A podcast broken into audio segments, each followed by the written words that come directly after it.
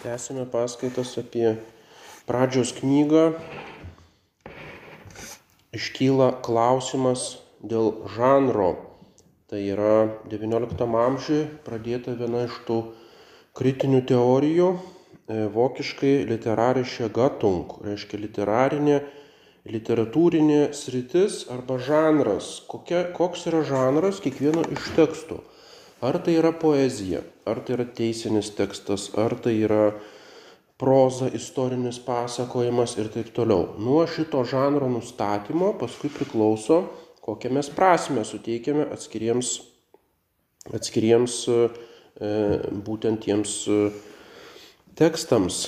Ir štai matom, kad pradžios knygos pirmas skyrius visiškai neturi analogijų tautų mituose ar tautų pasakojimuose, tai tikrai yra unikalus toksai e, tekstas ir skirtingai nuo pradžios skyriaus antro, pradžios knygos antros skyriaus, kur yra pasakojama apie rojaus, rojų ir paskui vėliau yra tvano istorija, būtent rojaus istorija ir tvano istorija atvirkščiai. Yra tvirtai įsišaknyjusi daugelio tautų tradicijose, iki smulkių detalių yra analogijos Mesopotamijos mituose ir taip toliau. Tai yra didelis skirtumas tarp pirmo skyriaus ir antro skyriaus. Ir todėl, jeigu kažkas bando priskirti tai mito žanrui, tai yra visiškas nesusipratimas. Ne Mozė perėmė pagonių mitą iš Mesopotamijos ir jį apvalė, o žydų tautoje turėjo būti tradicija be klaidos apreikšta istorija atitinkanti tiesą, kurią iškraipė būtent tą pirmykštę tradiciją, kuri žydų tautoje išliko neiškraipyta, būtent Mesopotamijoje buvo sujungta su dievų mitologiniais pasakojimais, mitologizuota. Taigi šešiadienis arba šešių dienų tvėrimo istorija pradžios knygos pirmame skyriuje, jos negalima priskirti šitam žanrui mito. Tai yra klaidingas pagoniškos kilmės religinis tekstas pretenduojantis į tikėjimą. Taip pat tai nėra sekularizuotas mitas, tai yra pasaka, bet tai yra istorija apie realius įvykius, pasaulio sutvėrimas, atskirų pasaulio dalių sutvėrimas.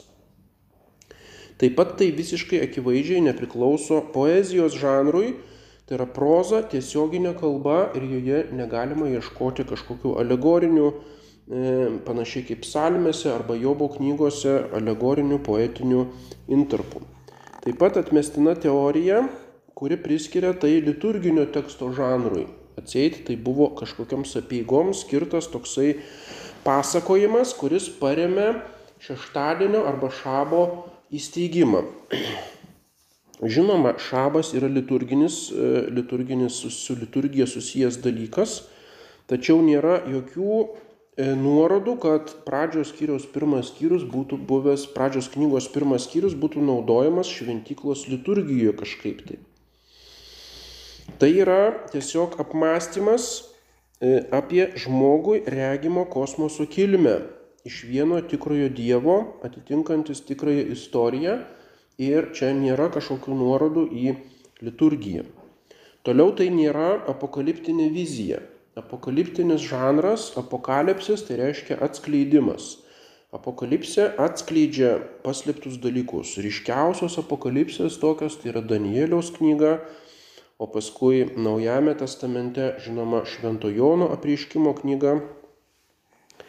Ir tose apokalipsėse visur pabrėžiamas regėjimo apreiškimo faktas, nurodomos jų aplinkybės, kad tasai pranašas arba apaštalas jis regėjo tam tikrus dalykus, jam buvo apreikšta, yra daugybė simbolinių vaizdinių, o štai pirmame e, pradžios knygos skyriuje nieko panašaus nerandama, jokių simbolinių įvaizdžių, tik tai empiriniai duomenys. Ir taip pat tai nėra kažkokia pirmykštė tradicija perduota padavimu keliu, kadangi nematome atitikmenų nei pas egiptiečius, nei pas šumerus ar asirus, e, kur būtų kažkas panašaus į pradžios knygos pirmą skyrių. Ir mm, tiesiog tai yra apmąstymas būtent apie tai, ką žmogus e, bet kuriais laikais gali matyti ir spręsti apie kosmosą. Taigi tai yra skirtumas pirmo skyriaus, pradžios skyriaus nuo antrojo, sky, antrojo skyriaus, kuriame jau šita tradicija yra aiški. Ta tradicija perimta iš kolektyvinės žydų tautos atminties ir todėl, kaip minėjome, turime, turime daugybę paralelių su gretimų tautų pasakojimais. Tai nėra mitas ar kažkoks apvalytas mitas, bet tai yra ta pirmykštė dar nesumitinta tradicija. Ir tada kyla klausimas dėl šitos tradicijos kilmės. E, šventasis Tomas savo sumoje pirmoje dalyje rašo, kad Adomas gavo įlietą žinojimą. Reiškia, jam buvo įlieta į jo dvasę tam tikros žinios, kurių jis negavo savo empiriniu žinojimu. E, Adomas gavo ne tik tai religinės, bet ir būtinas e, profaniškas žinias apie šitą pasaulį. Jis galėjo suteikti gyvūnams vardus, spontaniškai pažindamas kiekvieno to gyvūno esmę, kaip pasakojama, kad Dievas vedė pas į gyvūnus ir jis iš karto jam duodavo vardą, kadangi jis turėjo tą įlietą žinojimą apie tos dalykus. Reiškia, Adomas turėjo taip pat žinias, apie pasaulio sutvėrimą, apie savo paties sutvėrimą, e, sutvėrimo istoriją. E, tačiau kaip atsekti, ar tai įmanoma šitokia tradicija nuo Adomo laikų e, per tūkstančius metų iki pat Senojo testamento Mozės laikų. Ir šitokios tradicijos teigimas buvo labai populiarus, jo daug, daug bažnyčios tėvų kalba apie šitokią tradiciją, taip pat vadinamasis tradicionalizmas Renesanso laikais XIX amžiuje jis buvo nepaprastai stipri sritis, kadangi stipri tokia mąstymo linija. Sakoma, kad buvo tradicija e, apie visas svarbiausias tiek religinės, tiek profaninės žinias, Visa tai, kas yra esmingiausia žmonijoje, žmonės gauna iš tradicijos, o ne sugalvoja savo pačių protų. Reiškia, tradicionalizmas buvo prieš racionalistinę kryptį, kurie sako, kad kiekvienas žmogus turi e, protą ir gali pats tuos dalykus atrasti. Tačiau jeigu pažiūrime, ką mes žinome apie tą tradiciją, kas yra pats seniausias tradicijos perdodamas dalykas, tai yra kalba. Tarkim, mes imame indoeuropiečių kalbas ir matome e, labai panašius žodžius lietuvių kalboje ir, tarkim, Indijos kalbose. Nors žinome, kad tas atsiskyrimas tarp e, baltų genčių, kurios nukeliavo į vakarus, ir proto indų genčių, kurios nukeliavo į rytus, tai buvo prieš tūkstančius metų. Reiškia, patys giliausi prieš istoriniai laikai, kur tik pagal archeologiją galim nustatyti, Bet žodžiai labai panašus. Reiškia, kalba tai yra toks kaip konservantas, e, konservai už, už išsaugojantis tūkstantmetę tradiciją kalbos. Kalboje galime atrasti seniausius tos sluoksnius tradicijos. Ir štai mes neturim tos pirmykštės žmonių prokalbės. Yra dešimtis šimtai absoliučiai nesusijusių kalbų šeimų. Jeigu palyginsim tas indoeuropiečių kalbas, tarkim, su estų kalba arba su vengrų arba su kinų kalbomis nėra absoliučiai jokios sueities taško, nei vieno panašaus žodžio, nei vienos panašios konstrukcijos. Yra absoliučiai skirtingos kalbos. Kur Dievo vardas, tarkim, tokie baziniai žodžiai kaip Dievas, reiškia tose indoeuropiečių kalbose Dėjus, Deva arba Dievas, o reiškia es, estiškai Jumala, reiškia, nu, visiškai kažkas kito, nieko, nieko panašaus. Ir štai jeigu neišliko net pirmykštis prokalbės jokių požymių, tos seniausios, tai kaip mes galim kalbėti apie kažkokią kitokią dar tradiciją, apie žmonių sutvėrimą, apie pirmąją žmonių istoriją, apie e, pirmąsias žmonių keliones ir taip toliau. Šito mes tiesiog nerandame, tos tradicijos. Reiškia, tradicionalizmas yra tokia tik tai teorija, tam tikra tezė, kuri visiškai neparemta nei, etno, nei etnografija, nei kitais moksliniais metodais. Yra komparativistinis metodas, kuris lygina panašumus tarp visokiausių kultūrų ir atranda tų panašumų, bet šitos panašumus galima paaiškinti bendrą logiką. Tarkim, jeigu įvairiose tautose yra kokie nors simboliai arba yra labai vertinamas skaičius 3 arba skaičius 7, skaičių simbolika, tai visus tuos paralelės galima paaiškinti bendra žmonių patirtimi ir logika. Taip kaip Jungo archetipai reiškia ne, ne todėl, kad jie kažkur tai yra e, mistiniai archetipai, o tiesiog žmonės turi vienodai sukonstruotos smegenis ir jie panašius dalykus suranda. Ir todėl ir žemdirbystė galėjo atsirasti visiškai skirtingose vietose ir žmogus galėjo sugalvoti, kad iš geležies raudos galima pasigaminti geležinius įrankius ir prijaukinti gyvūnus ir tam nereikia jokios vienos bendros tradicijos ir mokymosi. Tiesiog žmonės skirtingais laikais, skirtingose e, žemės vietose tos pačius dalykus sugalvoja. Ir štai jeigu imame rojaus istoriją, žmogaus sutvėrimo istoriją, žmogaus puolimo istoriją, tvano istoriją, tai yra jau tokios tikrai detalės, kur jų šiaip žmonės nesugalvos. Ir tos biblinės istorijos ir ypač Mesopotamijos, taip pat kitų tautų e, išsaugotų tradicijų yra tiesiog stulbinantis panašumai. Ir čia iš tikrųjų galima kalbėti apie tam tikrą bendrą tradiciją, kuri išliko pas žydus be mitologijos ir buvo sumitologinta, reiškia susijęta su klaidingais e, pseudo dievais, e, būtent kitų tautų, kitų tautų e, tradicijoje. Taip galime paaiškinti būtent tos dalykus ir nereikalinga taip pat e, tos tradicijos ieškoti pirmame pradžios knygos skyriuje, kadangi nieko panašaus mes nerandame. Tai yra dalykai, kuriuos Moze galėjo išvesti iš savo paties apmąstymo įkvėpto šventosios dvasios, tam nebuvo reikalinga tradicija. Toliau turime sutvėrimo panašias istorijas psalmėse, Jobo knygoje, tai yra tam tikri tekstai, kurie yra susiję su pasaulio tvėrimu. Ir štai šitų tekstų žanras jau yra poezija. Jau jeigu im ieškome gatung arba šito žanro, tai jau tikrai galime pasakyti, kad poezija, kuri aprašo E, dangaus velkės, dangaus kažkokius sandėlius, iš kurių krenta lietus arba požemo talpyklas, arba kažkokius ten vėjus, ir, kurie atrodo kaip gyvos būtybės, arba Jobas, kuris rašo apie visokius leviotanus ir begemotus.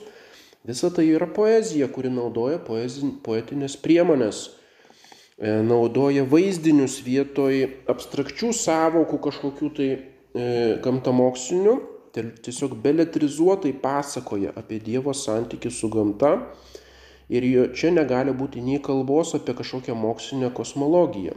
Ir todėl yra visiškai nepagristi bandymai, prieštaraujantys šitam kritiniam žanrų metodui, rekonstruoti ar net grafiškai pavaizduoti biblinį kosmoso vaizdą. Reiškia, tai kaip psalmės arba Jobo knygoje, dangaus kliautas toksai kaip kaip lubos su langais, kažkokiamis ertmėmis, dangaus ir žemės kolonos, virš jų kažkokios talpyklos vandens, iš kurių liejasi ir paskui, reiškia, švento rašto biblijų aiškinimo vadovėliuose tokios nupaišomos gražios schemos, va žiūrėkit, kokia buvo žydų mitologija. Čia reiškia cisternos, čia virš lubų, o čia kolonos ir iš jų liejasi kažkokie vandenys. Nu tai yra visiškas nesusipratimas. Tai yra tiesiog poetiniais gražiais vaizdiniais aprašyta tai, ką, ką bandome įsivaizduoti apie, apie kosmosą. Ir čia nereikia ieškoti kažkokio, kad žydai tai pažodiškai suprasdavo. Tai yra poetinis žanras.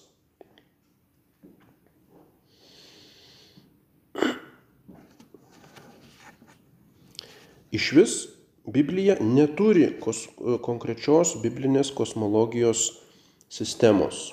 Ir toks tai nėra apskritai švento rašto tikslas. Ir jeigu bandoma iš atskirų vietų sukonstruoti tokią atseit biblinę kosmologiją, tai yra klaidingas iš vis klaidinga prieiga. Tarkim, Biblija niekur ekspresis verbis aiškiai nemoko, kad Žemė yra plokščia, e, stabili ir kažkur kosmoso viduryje. Reiškia, nėra net nagrinėjamas toks klausimas geocentrizmo arba heliocentrizmo. Ir sakyti, kad biblinė kosmologija yra geocentrinė, kad Žemė yra centre, o aplink ją viskas sukasi. Arba kad Žemė yra plokščia, tiesiog tų klausimų iš vis nėra analizuojami. Ir į juos e, bandyti projektuoti, reiškia, iš Galilėjaus laikų ginčius kažkokius kosmologinius ginklus, projektuoti į šventą įraštą, tai yra visiškai nepagrista. Biblija nerašo, ar ta žemė plokščia, ar jinai apvali. Nėra tokio klausimo iš vis diskutuojama, tai nėra, nėra aktualus dalykas. Paprasčiausiai netiriamas šitas klausimas. Aprašoma regimybė gamtos iš žmogaus žiūrėjimo taško, tai kas atitinka jo kasdieninę patirtį ir objektyviai tai yra tam tikrų požiūrių tiesa. Jeigu žiūri, kad aš stoviu ant žemės ir virš manęs yra saulė ir ta saulė pateka rytuose ir vak nusileidžia vakaruose. Tai yra tiesa, tai nėra iliuzija ar kažkoks naivus vaikiškas požiūris, tiesiog jis yra ribotas požiūris, antropocentrinis, kur iš žmogaus taško žiūrint taip atrodo. Ir tai nieko nėra klaidingo ar kažko antimokslinio. O kaip ten iš tikrųjų yra, ar ta žemė apvali ir aplink ją sukasi tos saulė, Tokio dalyko iš vis neanalizuojama. Ir todėl negalima pavienių posakių ir ypač šitų posakių iš poetinių tekstų, Jobo knygos ir psalmių, įkomponuoti ir iš jų sukonstruoti kažkokią bendrą kosmologinę schemą.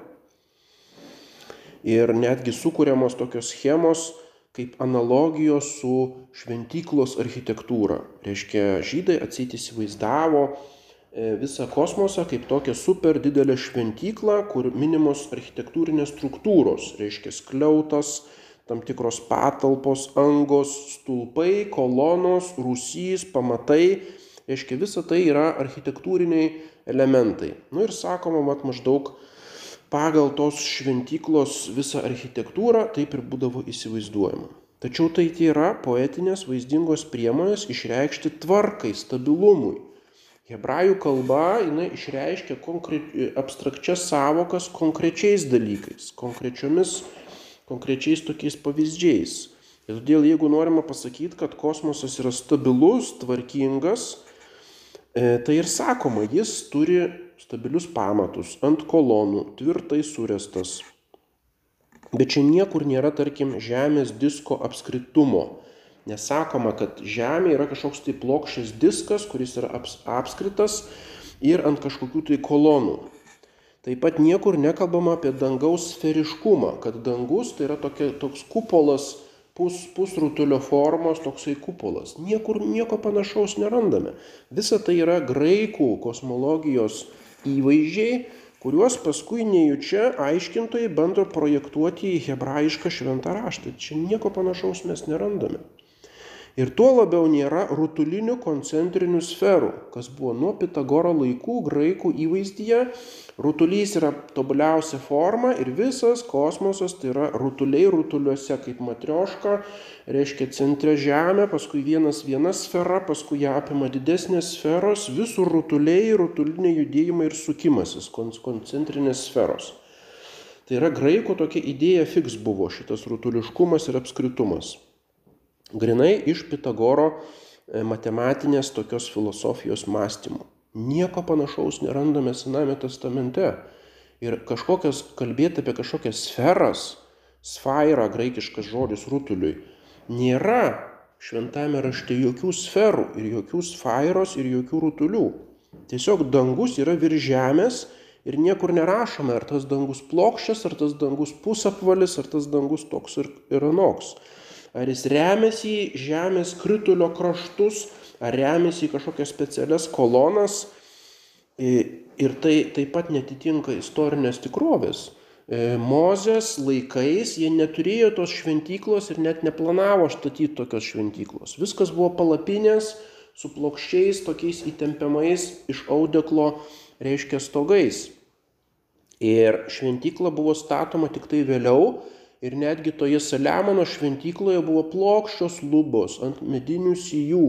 Nebuvo jokių ten kupolų ir jokių sferinių, reiškia, e, reiškia žydai negalėjo net numatyti arba turėti kaip tokio įvaizdžio, kad dangus tai yra kažkas kaip kupolas. Mums tai atrodo savame suprantama, nes mes nueinam į Švento Petro baziliką, nueinam į Romėnų panteoną, reiškia visi dideli, didingi šventyklų pastatai turi pusapvalės, e, pusapvalę mm, e, skliautus ir kupolus. Tai yra kaip aukščiausias architektūros pasiekimas. Ir tada žmonės įsivaizduoja dangų kaip tokį pusapvalį ir ten Florencijos kur nors katedro kur nors tas skliautas dar ir ištapytas tokiamis žvaigždėmis. Tai mums tiesiog savaime siejasi ta analogija. Mes pasižiūrim į bažnyčios skliautą, nu tai aišku, dangus va yra toks kaip skliautas. Nieko panašaus pažydus. Jie niekada nebuvo matę tokios architektūros, jiems niekur nebuvo tokios architektūrinių įvaizdžio ir patys tokių pastatų niekada nestatė. Tai iš kur tada pas juos tie kupolai ar lenkti skliautai? Nėra tokio dalyko. Ir tai yra būtent pavojus projektuoti kažkokias visai svetimas idėjas į e, kosmologinius aprašymus Senajame testamente.